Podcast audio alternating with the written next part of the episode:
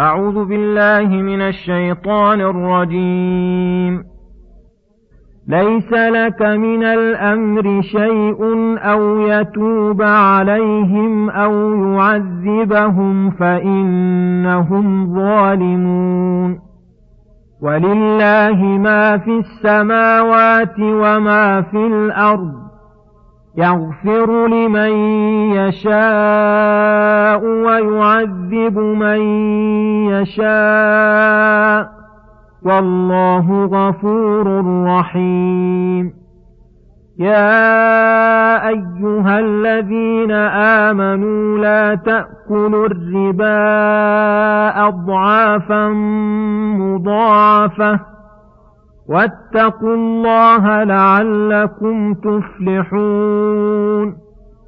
واتقوا النار التي أعدت للكافرين. وأطيعوا الله والرسول لعلكم ترحمون. بسم الله الرحمن الرحيم. السلام عليكم ورحمة الله وبركاته. يقول الله سبحانه ليس لك من أمر شيء أو يتوب عليهم أو يعذبهم فإنهم ظالمون. لما أصيب صلى الله عليه وسلم يوم أحد وكسرت رباعيته وشج في رأسه جعل يقول كيف يفلح قوم شجوا وجه نبيهم؟ وكسروا رباعيته. فأنزل الله تعالى في هذه الآية وبين أن الأمر كله لله وأن الرسول صلى الله عليه وسلم ليس له من أمر شيء لأنه عبد من عبيد الله والجميع تحت عبودية ربهم مدبرون لا مدبرون. وهؤلاء الذين دعوت عليهم يا أيها الرسول أو استبعدت فلاحهم وهدايتهم. إن شاء الله تاب عليهم ووفقهم للدخول في الإسلام.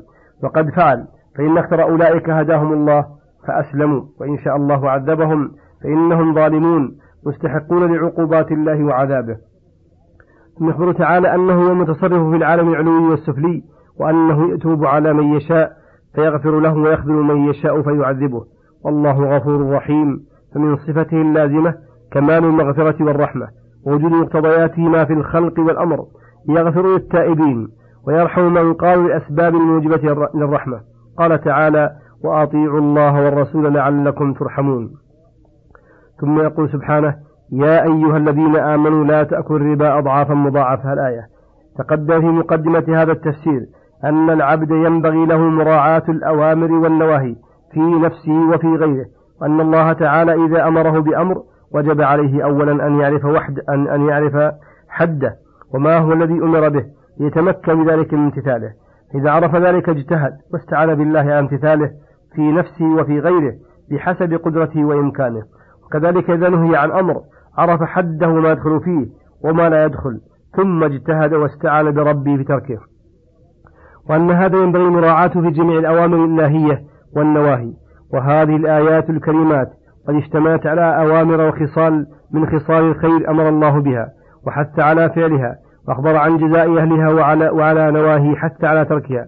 ولعل الحكمة والله أعلم في إدخال هذه الآيات أثناء قصة أحد أنه تقدم أن الله تعالى وعد عباده المؤمنين أنهم إذا صبروا واتقوا نصرهم على أعدائهم وخذل الأعداء عنهم كما في قوله تعالى وإن تصبروا وتتقوا لا يضركم كيدهم شيئا. ثم قال وإن تصبروا وتتقوا ويأتوكم من فورهم هذا يمددكم ربكم الآيات. فكأن النفوس اشتاقت إلى معرفة خصال التقوى التي يحصل بها النصر والفلاح والسعادة. فذكر الله في هذه الآيات أهم خصال التقوى التي إذا قام العبد بها فقيامه بغيرها من باب أولى وأحرى. ويدل على ما قلنا أن الله ذكر التقوى في هذه الآيات ثلاث مرات. مرة مطلقة وهي قوله أعدت المتقين مرتين مقيدتين فقال واتقوا الله واتقوا النار. فقوله تعالى يا أيها الذين آمنوا كل ما في القرآن من قوله يا أيها الذين آمنوا افعلوا كذا أو اتركوا كذا يدل على أن الإيمان هو السبب الداعي والموجب لامتثال ذلك الأمر واجتناب ذلك النهي. لأن الإيمان هو التصديق الكامل بما يجب التصديق به المستلزم لأعمال الجوارح. فنهاهم عن أكل الربا أضعافا مضاعفة وذلك هو ما اعتاده أهل الجاهلية ومن لا يبالي بالأوامر الشرعية من أنه إذا حل الدين على المعسر ولم يحصل منه شيء قالوا له إما أن تقضي ما عليك من الدين وإما أن نزيد في المدة وتزيد, وتزيد ما في ذمتك. فيضطر الفقير ويستدفع الغريمة ويلتزم ذلك اغتناما لراحته الحاضرة فيزداد بذلك ما في ذمة أضعافا مضاعفة من غير نفع وانتفاع. ففي قوله أضعافا مضاعفة تنبيه على شدة شناعته بكثرته وتنبيه لحكمة تحريمه. وأن تحريم الربا حكمته أن الله منع منه لما فيه من الظلم وذلك أن الله أوجب إنظار المعسر وبقاء ما في ذمته من غير زيادة فإلزام بما فوق ذلك ظلم متضاعف. فيتعين على المؤمن المتقي تركه وعدم قربانه لأن تركه من موجبات التقوى والفلاح متوقف على التقوى. فلهذا قال واتقوا الله لعلكم تفلحون. واتقوا النار التي أعدت للكافرين بترك ما يوجب دخولها من الكفر والمعاصي على اختلاف درجاتها. فإن المعاصي كلها خصوصا المعاصي الكبار تجر إلى الكفر بل هي من خصال الكفر الذي أعد الله النار لأهله. فترك المعاصي ينجي من النار وبقي من سخط ويقي من سخط الجبار. وأفعال الخير والطاعة توجب رضا الرحمن ودخول الجنان وحصول الرحمة ولهذا قال وأطيعوا الله والرسول بفعل الأوامر وامتثالها واجتناب النواهي لعلكم ترحمون. فطاعة الله وطاعة رسوله من أسباب حصول الرحمة. كما قال تعالى ورحمتي وسعت كل شيء فسأكتبها للذين يتقون ويأتون الزكاة الآيات.